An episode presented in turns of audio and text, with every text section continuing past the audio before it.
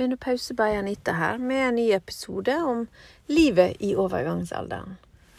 I denne episoden så eh, tar jeg utgangspunkt i en bestilling som jeg fikk inn når jeg hadde en meningsmåling om hva dere hadde lyst til at jeg skulle snakke om. Og da var det her med sinne og irritasjon ut av ingenting, som lyn fra klar himmel, et ønske. Og jeg har jo snakka om humørsvingninger, sinne, mange ganger. Men det er, det er likevel så, såpass eh, Påvirker oss i så stor grad at det, jeg snakker gjerne om det en gang til. Så her på Menopause by Anita-podkasten så får du ærlige og redelige beretninger om både min erfaring, men òg min kunnskap om temaet knytta opp mot overgangsalderen. Jeg opplever at jeg gjentar eh, basic ting. Eh, allikevel så er det veldig lett at denne nye kunnskapen glipper litt. Så jeg skal nå helt kort bare minne om hva som anses som overgangsalder, sånn at vi er, snakker samme språket. Og de tre fasene i det som vi på norsk godt kan kalle overgangsalderen, det er perimenopause, som er årene før mensen har vært vekke i tolv måneder. Så har du menopause, som er den 365. dagen siden sist mens, så den er bare en dag og så har du postmenopause resten av livet. Og med det så er det jo selvfølgelig en hormonell endring over i begynnelsen av postmenopausa som tar med seg fremdeles symptomer som hetetokter, humørsvingninger, ubehag, søvnvansker, nedstemthet, energiløshet, manglende sosial interesse, ja, osv. Det her er kan påvirke oss av pga. hormoner. Så det kan ofte være sånn at man forandrer seg uten at en egentlig har gjort noe verken for eller imot det. Det skjer. Og det skjer alle 100% garantert. Jeg reagerer når jeg hører jeg overgangsalderen skal ikke få ta meg, eller jeg skal dodge denne her overgangsalderen. Da tenker jeg, vet du hva, da har man ikke skjønt mye biologi, for dette er ikke til å komme ifra. Det betyr ikke at en skal ikke ta en aktiv holdning eller en aktiv eh, Gjøre aktive tiltak for å få det så godt som mulig, men en kan ikke dodge biologi.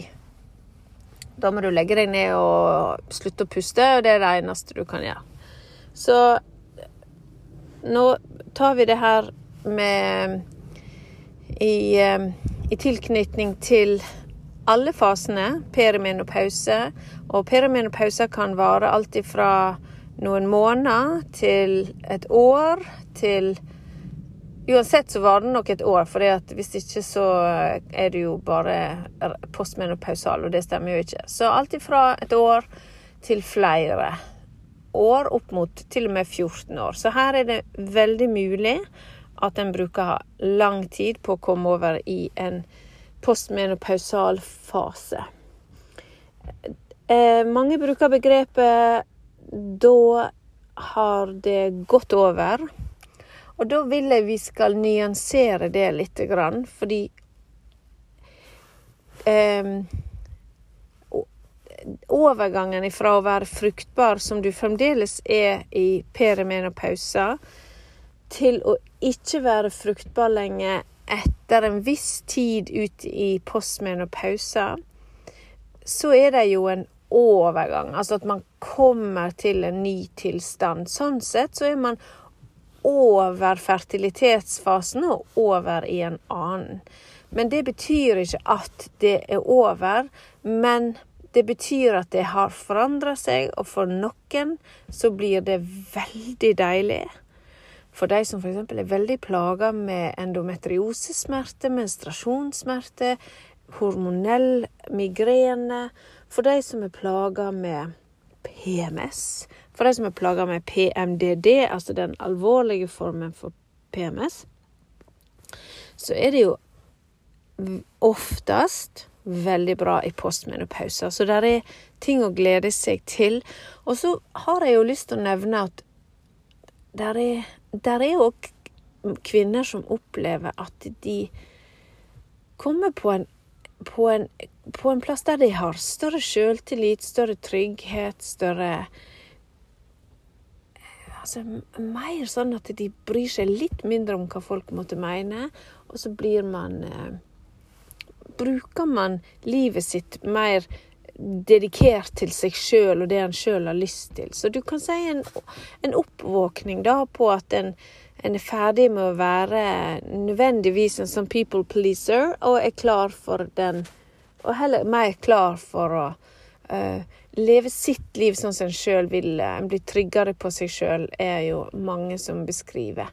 Men husk, det er ingen kvinne som har lik overgangsalder som naboen. Så det er ingen konkurranse, og det er ingen eh, Det er ingen eh, fasit på hva som er riktig, og det er heller ingen skam å ha mange symptomer fra overgangsalderen. For det er ikke ensbetydende med at, det, at du har levd livet ditt så dårlig at her er straffen. Um, og nå er vi over på et tema som jeg syns jo er utrolig interessant, fordi at det her er jo det som muligens er en del av tabubegrepet vårt, nemlig det at um, Av en eller annen sjuk grunn så, har, så er det eh, eh, formuleringer som går i retning av at um, ja, hvis du bare spiser sunt, trener veldig masse, uh, er superflink, ja, så får du hormoner i balanse, og da får du uh, ikke plager fra uh, overgangsalderen. Så til deg som har plager, mm -hmm, tenk gjennom det. Vet du hva? Det er ikke riktig. Det stemmer ikke en plass. Du kan ha gjort alt etter boken. Du kan ha levd akkurat så esketisk og riktig og trent og styrt og levd livet ditt så etter boken som det går an, hvis vi skulle definere hva som ville være den riktige boken. Og allikevel så kan du få store plager i overgangsalderen. Så det er ikke det. Men pga. sånne vinklinger så kan en fort få det til at det, du har deg sjøl å takke om du har symptomer fra overgangsalderen. Og det er bullshit, så da er det også avklart. Så da har vi fjerna skammen, for det er ikke din feil. Det er ikke du som har gjort noe galt. Dette er biologi. Noen får det hardt, noen får det som et hikk på en onsdag. Ok, Så da kan vi legge den vekk, og så kan vi heller bruke energien vår på å bygge oss sjøl opp. Vi kan bruke energien vår på å gjøre gode tiltak. Gjøre så godt vi kan. Trøste oss sjøl, bygge opp oss sjøl, være vår beste venn, og drite i hva andre måtte mene. Så I eh, i det her med sinne og irritasjon så ligger det òg en endring. Altså, jeg er født med temperament, du er født med ett temperament, og vi har administrert det temperamentet vårt på en spesiell måte gjennom livet vårt. Og så plutselig kommer vi i 40- og 50-årene, og så opplever vi en intensitetsøkning i det her med sinne og irritasjon. Så det er akkurat som om du reagerer kraftigere. Der du før hadde blitt irritert, så kan du nå bli så irritert at du klarer ikke å la være å bite tennene sammen. Du klarer ikke å la være å føle på fysisk ubehag. Du får dårlig samvittighet fordi du er så agert. Og det betyr ikke at du nødvendigvis tar det ut på noen andre. Det betyr jo ikke det. Men du kan allikevel oppleve at du tar utover deg sjøl. Altså at du pisker deg sjøl mer fordi at du kjenner ikke du, Det er jo ingen som er stolt over å være sint og ha temperament i Norge. Kanskje i Italia, kanskje i eh, latinamerikanske land, kanskje i Spania, sånne ting, så er temperament mer normalisert. Men hos oss eh, treige vikinger, så, så er sinne og irritasjon ikke et pluss. Det, blir, det, er nesten som om du er litt utilregnelig. Det er nesten en slags eh, eh, ja, mindre det, det, er en mindre verdifull egenskap. Jeg veit det sjøl, fordi jeg har et, et, et, eh, jeg har et stort engasjement, stort temperament. Og jeg husker veldig godt det her med Anita, ikke snakk så høyt. Anita, ikke bli sint nå. Um, og det var særlig når jeg var tenåring, for jeg, jeg reagerer veldig på urettferdighet. Og inntil jeg på en måte klarte å justere meg i, i, i det her med å bli voksen, så synes jeg at jeg Så husker jeg hva fortvila og sint jeg kunne bli. Eh, allikevel så gikk det nok bare mest utover meg sjøl, fordi at jeg, jeg forsto jo da at det, å, å, ha sinne og ha irritasjon er ikke en ønska egenskap. Det vil ikke vi ha i vårt samfunn. Sånn at jeg la nok, eh, la nok mye av det vekk, og prøvde å heller ha fokus på på eh, å, å smile og bli en people pleaser. OK. Så sinne og irritasjon kan altså øke i intensitet og øke i frekvens. Og den som lider som oftest av det her, er jo oss sjøl. Selv. selvfølgelig kan det gå utover de vi er mest glad i, i form av at vi reagerer mer kraftig. Kanskje vi kjefter mer, kanskje vi griner mer. Kanskje vi hever stemma vår mer og smeller med en fot eller et eller annet i gulvet. Altså at det, det er mer italienske fakter over oss enn tidligere. Og så um, synes vi det kanskje ubehagelig. Kanskje vi får respons på det. Kanskje det er sånn 'Herregud, hva skjedde med deg? Har du gått loco?' eller sånn. Og så føler vi skam. Og alltid der det er litt sinne og irritasjon, så er det en kroppslig reaksjon. Det er ikke sikkert du merker det, men det er alltid liksom som om man får mer hjertebank, eller man får økt puls. Kanskje kommer man litt, Man blir brakt litt ut av fatning. Og det interessante her er jo at noen får jo på en måte hetetokter òg i samband med det. Akkurat som der er, der er en kobling.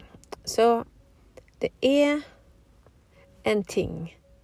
Økt sinne, økt irritasjon er en ting som kommer med hormonelle endringer.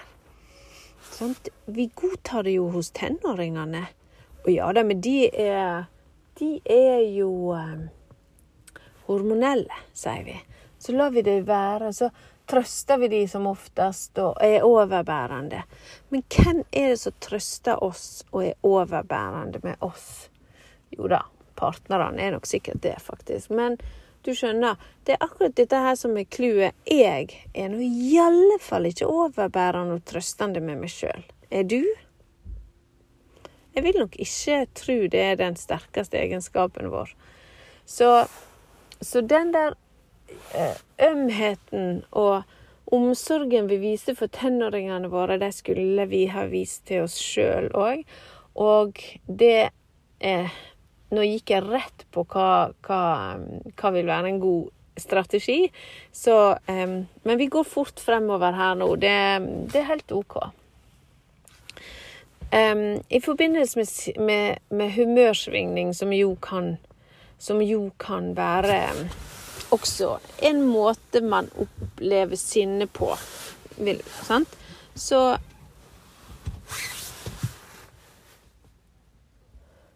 Så vil Så kan en um, oppleve at det i neste øyeblikk er den motsatte følelsen. Nemlig tristhet, kanskje litt tårer.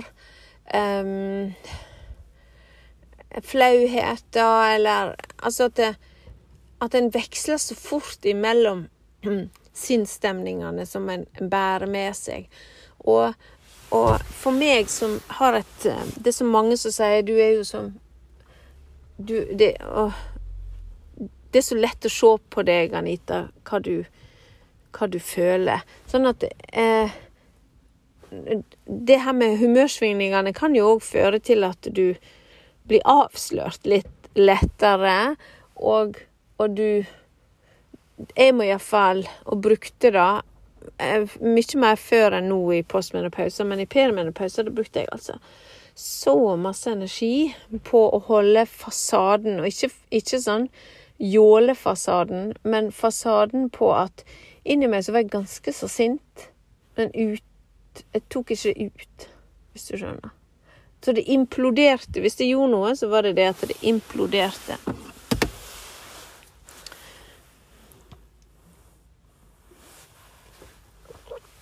Og du vet hva jeg mener med implodere. Istedenfor eksplodere der det går ut, så er å implodere at det eksploderer innover. I sjølbilde og sjølfølelse og stressopplevelse. For for meg var det stressende å ha humørsvingninger. Det var stressende å kjenne på et økt irritasjon. Og det det førte til i enkelte deler av min perimenopause, det var at jeg trakk meg unna sosiale settinger. Jeg, jeg kan I dag så veit jeg jo hva det var. Den gang forsto jeg det ikke. Men jeg kunne være på jeg kunne være i sosiale settinger der jeg egentlig er trygg på alle menneskene, kjente dem godt. Men jeg Jeg kunne sitte og høre på ting, og så kunne jeg inni meg bli så sint. Og så måtte jeg holde det, for det, det, jeg var jo ikke sint på personen. Det er akkurat som jeg bare reagerte mer enn jeg enn burde. Og så ble jeg veldig sliten av det. Så når det, når det, sosiale var over, når jeg kunne gå hjem, så var jeg helt sånn ah, 'Dette her orker ikke mer. Jeg orker ikke mer.' Og det gjør jo at når du har gjort det et par ganger, så, begynner, begynner jeg å, så begynte jeg å, å, vegre meg for å være sosial, for, fordi jeg kjente at jeg blei så brukte, Jeg brukte opp den energien som jeg ikke hadde. Nå har det gitt seg. Og alt Jeg syns det er så viktig å dele det her med at nå har det gitt seg. Det betyr ikke at jeg nå er jeg all over the place og er supersosial, for jeg er egentlig ikke, er egentlig ikke det. Eh, men nå reflekterer ikke jeg over at jeg ikke vil gå fordi jeg orker ikke at jeg blir så sliten etterpå. Nå er det mer sånn har jeg lyst, eller har jeg ikke lyst? Passer det, eller passer det ikke? Og så er det det som er kriteriene. Men før så var det en reell vurdering av er dette det her Dette kom til å koste for masse i forhold til hva jeg fikk ut av det. Og um, det er det som humørsvingninger, sinne og irritasjon kan gjøre når det når, uh, når det blir for plagsomt, rett og slett. Og i hormonverdenen så er det da at i perimenopauser så synker først og fremst progesterondelen av vår eh, kvinnelige hormonbase eh, før vi egentlig helt er klar over det. Vi kan merke det på litt sånn uro, vi kan merke det på at vi sover dårlig, vi kan merke det på at vi er litt mer gråtete, litt mer labile, litt mer Ja, litt mer sårbare. Eh, og så eh, får vi gjerne Fordi at østrogenet driver og fyrer opp og ned som en eh, Som raketter opp og ned på nyttårsaften så kan vi få symptomer som mer vondt i hodet, vi Vi kan føle oss litt oppblåst, vi kan føle at vi eh, Ja. Vi føler oss rett og slett litt sånn ute av balanse. Og det igjen de, de, hormonene der, de påvirker andre hormoner. Sånn at når både, når både østrogenet eh, tikker nedover mens det, er, mens det går opp og ned, så kan man oppleve at eh, disse her lykkehormonene og, og, hormonene som gjør at Eller det er signalsubstanser, da, som gjør at vi føler oss vel, sånn som eksempel serotinin og dopamin, eh, de, de blir det litt, kan det bli litt mindre av i perioder. Og dermed så gjør det oss mer sårbare. Så det er ikke til å stikke under en stol at dette her er hormonelt. I veldig stor grad så er dette hormonene som spiller deg et puss. I tillegg så kan det være at nettopp fordi at østrogenet synker, og progesteronet synker, så har vi jo et tredje hormon som heter testosteron. Og testosteron gir oss energi, gir oss vitalitet, gir oss libido, gir oss um, ja kraft og energi, da. Og det er ikke alltid at ikke alltid at testosteronet synker så veldig i perimenopausen, men mer over i postmenopausen. Så vi kan ha et relativt, og det her mener jeg virkelig relativt, for det er ikke høyt, men et relativt greit nivå av testosteron i forhold til f.eks. For progesteronnivå eller østrogennivå. Bare sånn enkelte dager innimellom. For at hormonene våre, de er så I løpet av en dag så svinger de masse. Og ergo så kan du på en måte plutselig få en sånn opplevelse av at her var det mye. Akkurat som når jeg føler at det er veldig lav energi, men kroppen hadde nok til å produsere litt irritasjon og sinne og sånn. Altså, det er helt ulogisk. Men det kan da være litt fordi at det er da litt testosteron som blir mobilisert. Og, um, og det å vite om det her, det er jo det viktigste. Det å vite at her snakker vi om en biologisk prosess som ikke er din feil, som ikke du skal piske deg sjøl for, og som du, hvis du får kunnskap om det, så kan du gjøre det godt for deg sjøl. For clouet her er at stress f.eks. kan påvirke produksjonen vår av kjønnshormoner, som igjen påvirker at vi får mindre av de gode signalsubstansene som serotinin og dopamin. Og dermed så kommer vi på en måte inn i en vond sirkel.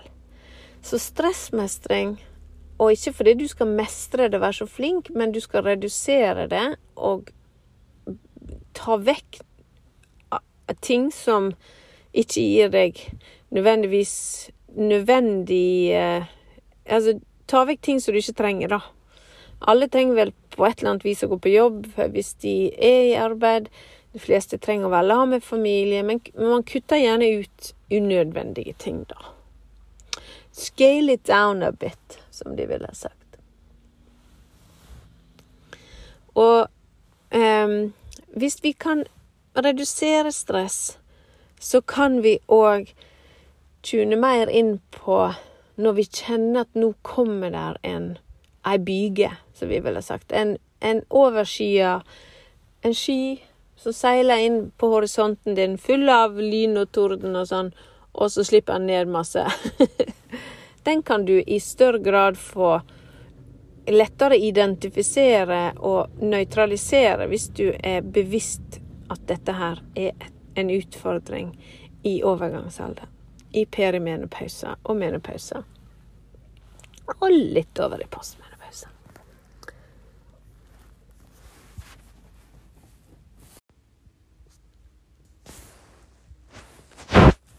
Det her med sinne kan òg handle om overgangsalderens midt i livet-timing. Kvinner som nærmer seg overgangsalderen, eller som er midt i den, kan oppleve seg sjøl stående i en spagat. Dratt imellom at de på den ene sida skal serve en jobb de skal serve familie. De skal serve fritidsaktiviteter. Gamle foreldre. Kanskje faktisk um, kombinasjonen av både egne foreldre, men at de òg er blitt besteforeldre. Noen kvinner opplever at det å i tillegg skulle ivareta seg sjøl med å tenke egenomsorg og trening, at det oppleves som eh, en vanskelig sport. Litt som ekstremsport. Og det å stå i spagaten er jo en ekstremsport. Så det er jo et viktig aspekt, tenker jeg. Der hvis vi inngår for store kompromiss over altfor lang tid, så vil jo det kunne bli til en frustrasjon. Og frustrasjon har jo en tendens til å henge sammen med sinne. Så det er jo et, eh, et aspekt som jeg syns vi skal ta med. Og da handler det jo om at når en kjenner at nå har en lettere for å klikke i vinkel, nå er en mer lett antennelig, så, så er det kanskje et varsku. Kanskje istedenfor å stresse over det, og istedenfor å bli irritert, så kan en bruke det som et eh, kompass. Som en måte å justere eller gjøre små endringer på som gjør at en til slutt um, ja, unngår egentlig da, å komme i sånne kinkige situasjoner der en har gått over grensene sine. For en betraktning er jo hva hvis dette her klikkevinkelsinnet er òg en grensesetting? Ikke det at vi ønsker å sette de grensene, men at det blir rett og slett nødvendig. Kanskje kroppens måte å si at nå er det nok på. um, og så har jeg jo et, et par ganger fått, fått, um, fått anledning til å egentlig snakke om hva er bra med overgangsalderen. Fordi at uh, det syns jeg er et kjempeviktig spørsmål, og jeg syns det, det, er viktig å få fram. Og jeg mener vi har eh, masse bra med overgangsalderen. Og her er en av de tingene.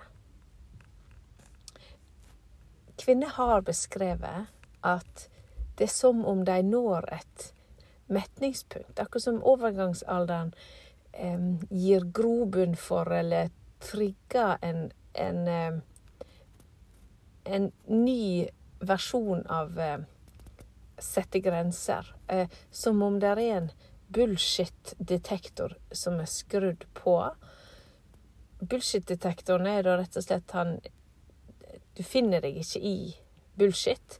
Du finner deg ikke i mer tull, tøys. jo da, du blir jo ikke humørløs, men at du vet Tar ikke mer eh, Tar ikke imot mer nå, og står imot å, av, å avdekke egentlig ting som eh, du opplever bare som bullshit. Sånn at um, det å At detektoren er skrudd på, er, og du rett og slett bestemmer deg for at uh, Nei, nå, uh, nå klarer ikke jeg mer bullshit. Og så sier du ifra. Du setter på en måte foten ned. Og eh, jeg lurer litt på hva det engelske uttrykket 'too old for this shit' kommer ifra.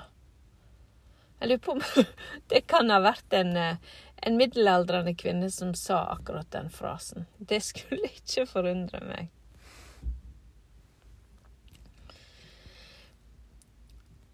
Altså en av, eh, en av de tingene som jeg tror er vanskelig da, i denne relasjonen, er jo det at vi er så vant til å prestere. Vi er så vant til å være på og være på um, tilbudssida. Vi er vant til å stå på. Vant til å være um, fundamentet i barnas liv, kanskje til og med på jobben. Um, og dermed så kan det jo komme inn et uh, dårlig samvittighet, rett og slett. Så vi må bite i oss eller tåle det å ha dårlig samvittighet fordi at vi setter grenser, eller vi må tåle å ha dårlig samvittighet for at vi prioriterer om. For det er jo det er jo kanskje det det handler om, å få lov å omprioritere. Sette seg sjøl litt høyere, og eh, være kritisk til hva en, hva en bruker tida si på.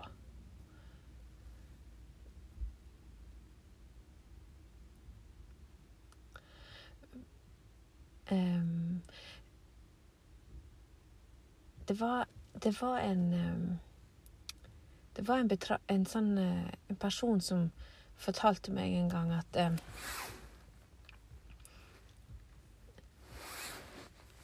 Det med å komme i overgangsalderen ga hun en, en mulighet til en slags uh, Ja, ga hun muligheter til å få Si at nå er det min tur. Nå er det min tur. Nå er det jeg som står eh, på døra, dørtrammen, og skal over en terskel. Og at jeg her trenger å, å få lov å være min, min egen advokat. Og det syns jeg er utrolig godt beskrevet. Fordi vi står faktisk på en terskel. Vi er over i en ny livsfase. Vi skal over i, i andre vurderinger, andre hensyn. Og nå er det på en måte vår tur å kunne blomstre. Det blir jo en Det blir jo sånn Det er jo derfor jeg har kalt kurset mitt for Blomstrende overgangsalder. At det er der vi skal. Vi sk det kinesiske ordet for um, overgangsalder er uh, en ny vår. Og det er det jo. Det er en, det er en mulighet for ny vår. Og, og det å Men du veit, det å blomstre, det, det da må man ha de rette forutsetningene. Man må ha riktig næring, vann, groforhold. Man må ikke bli trakka ned. Ser du eh, anekdoten der? Vi må ikke bli trakka ned, vi må ikke bli holdt unna lyset. Vi må få lov å strekke oss og, og blomstre og ha næring og ha vann og bli behandla med med respekt.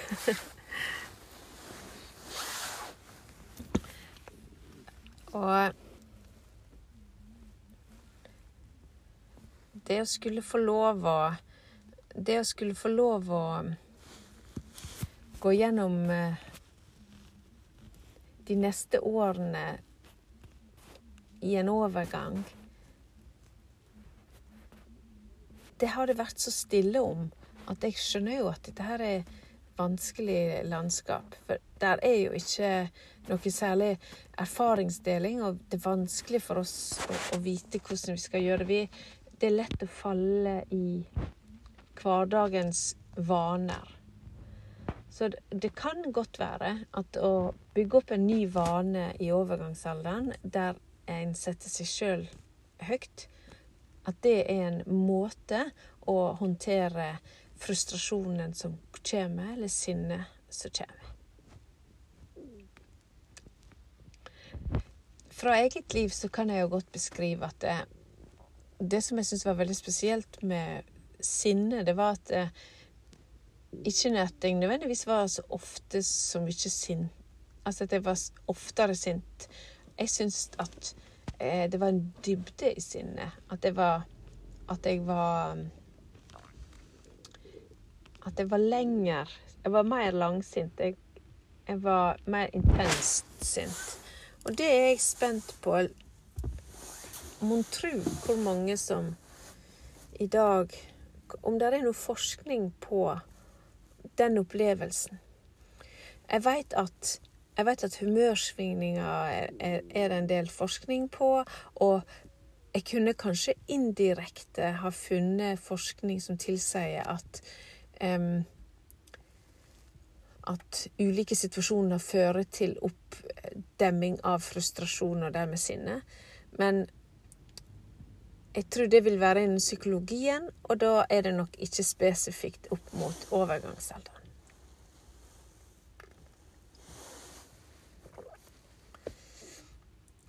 Så I lys av alt jeg har snakka om nå, så kan en velge å tenke overgangsalderen er min tur. Nå er det jeg Hvis jeg opplever sinne, så må jeg akseptere det, jeg må forstå det, og jeg har forskjellige måter jeg kan håndtere det på. Og der er forskjellige måter å håndtere det på. En kan tenke at det er hormonelt. Jeg trenger å balansere hormonene mine. Og så kan en bruke forskjellige eh, livsstilsfaktorer som kan spille inn der. Nå er det jo med fare for at jeg gjentar meg sjøl, for det sier jeg jo hele tida. At våre verktøy i eh, vårt, altså vi, Våre redskaper i verktøykassa vår er jo livsstilsfaktorer som nummer én. Og da kommer jeg jo innom det her med blodsukker. For humørsvingninger er jo òg det her med at blodsukkeret vårt kan svinge mye mer i deler av overgangsalderen.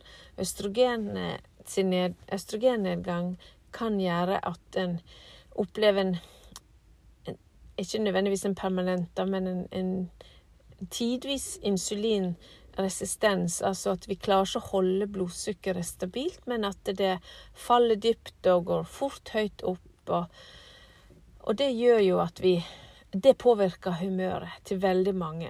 Det er jo ikke ingenting at det uttrykket som heter 'hangry' eh, er kommet. Og eh, unnskyld for det jeg sa når jeg var sulten. Sånn at eh, denne ustabiliteten i blodsukker, det, den skal ikke vi kimse av. Og den der kan kosthold være med å hjelpe deg til å i alle fall utelukke den delen. Og hva er essensen i kosthold og overgangsalder? Vel, det har jeg snakka en god del om, så det finner du av, på forskjellige episoder både på podkasten, men òg på, på, Instagram og Facebook. Eh, men å få til langsomme karbohydrater, få til grønt, frukt, bær, minst mulig raffinert sukker, minst mulig raffinert mat og ferdigfabrikater. Det, det kan være en tommefingerregel. Og du kan komme langt med det, rett og slett. Og så har du da trening som kan hjelpe deg å regulere faktisk blodsukkeret, men det kan òg regulere um, Endorfinproduksjonen gjør at du, du, du kan oppleve deg mer stabil ha større glede i, i kroppen. Og dermed så kan det òg lette på trykket. Sånn at det å komme seg ut eh, trenger ikke nødvendigvis alltid å være heseblesende trening. Det kan være tur ut. Eh, bare det å gå i naturen, redusere blodtrykket ditt, redusere pulsen og bidrar og fremmer eh, hjernen sin håndtering av inntrykk gjennom dagen.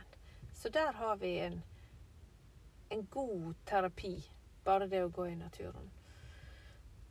Eh, på så, så, gitt nå at, at en tenker at en har levd et, et rikt liv, en har vært med på oppturer og nedturer, så kan det godt være at i overgangsalderen så er det er det som at ting henter deg inn igjen, og du føler at det er ting du ikke har fått bearbeide.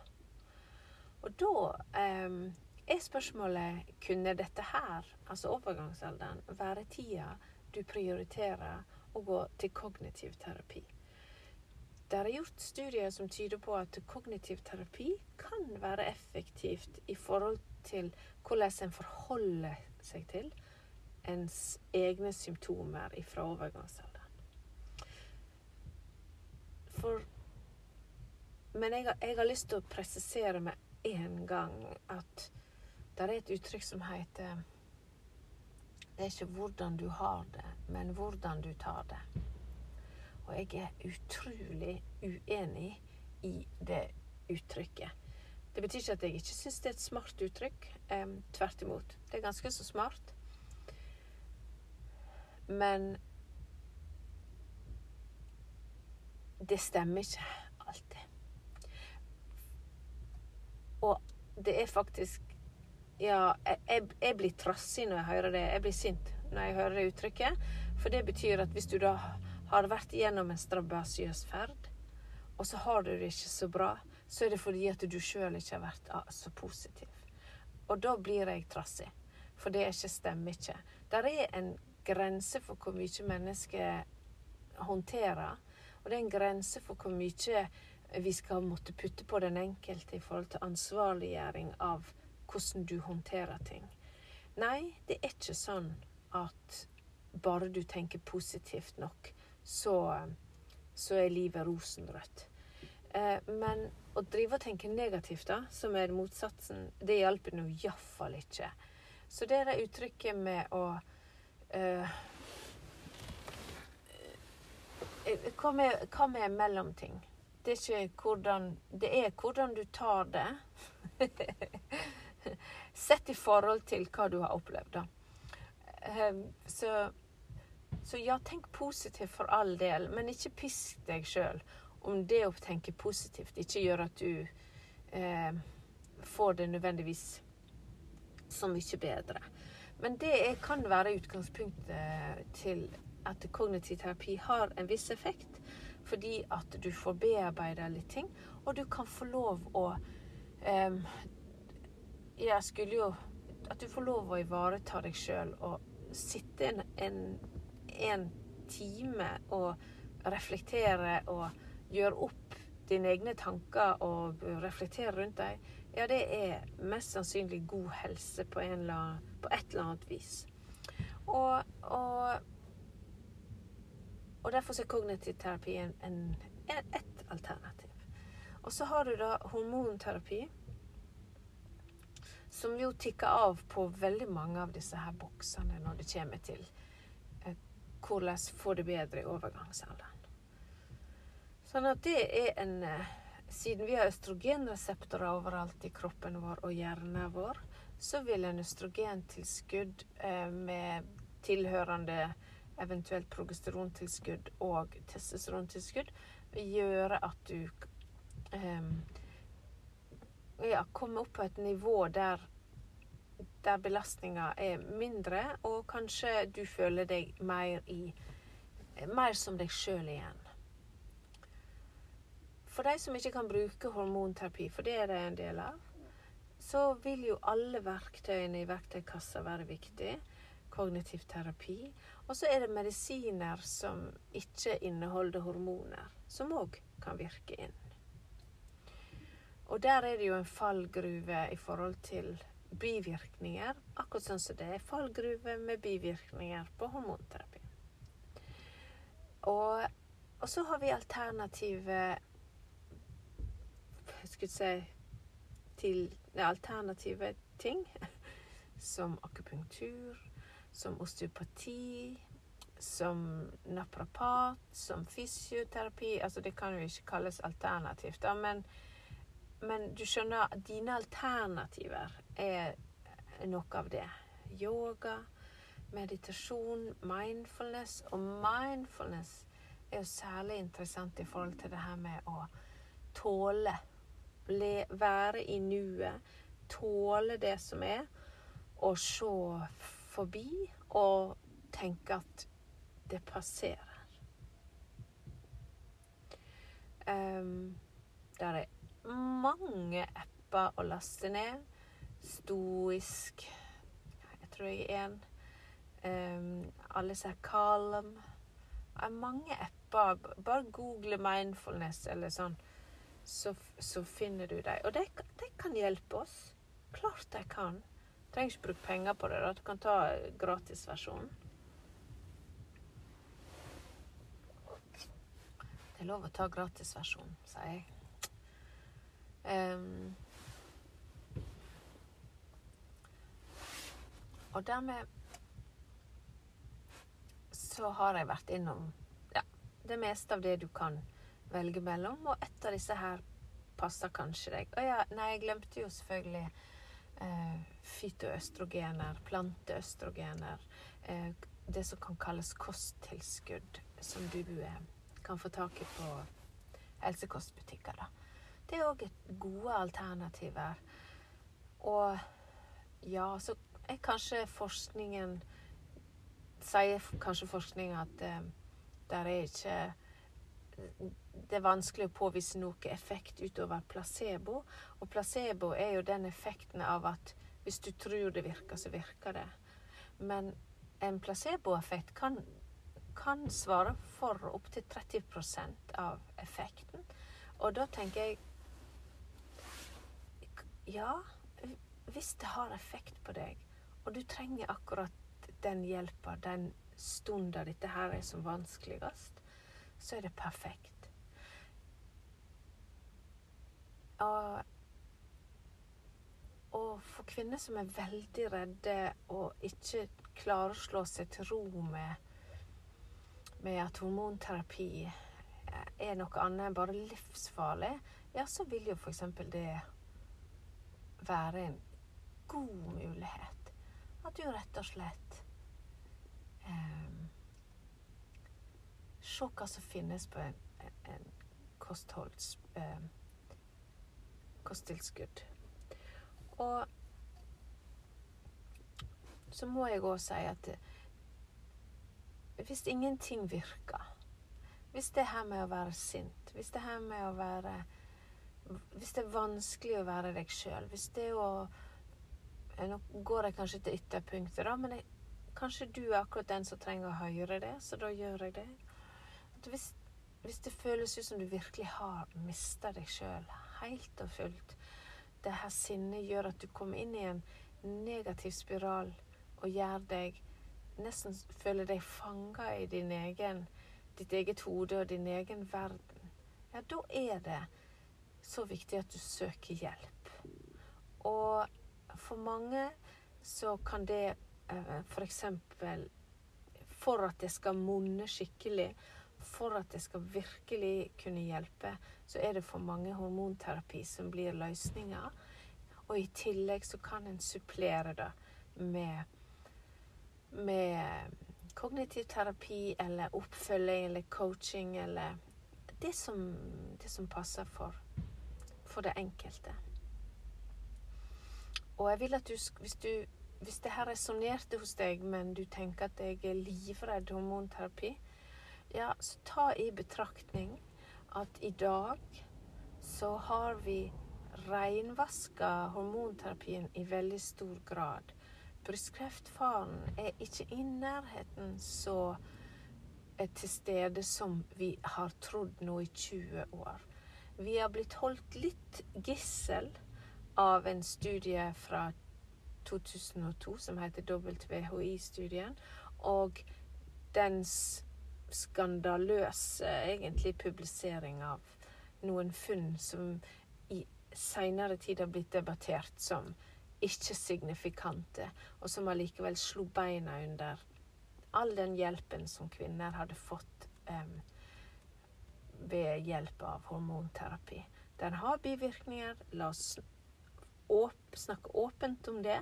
Men for de friske kvinner i målgruppa, som er da under 60 år og mindre enn 10 år siden sist mens, og som har symptomer, ja, for de aller fleste der så vil fordelene være større enn ulempene.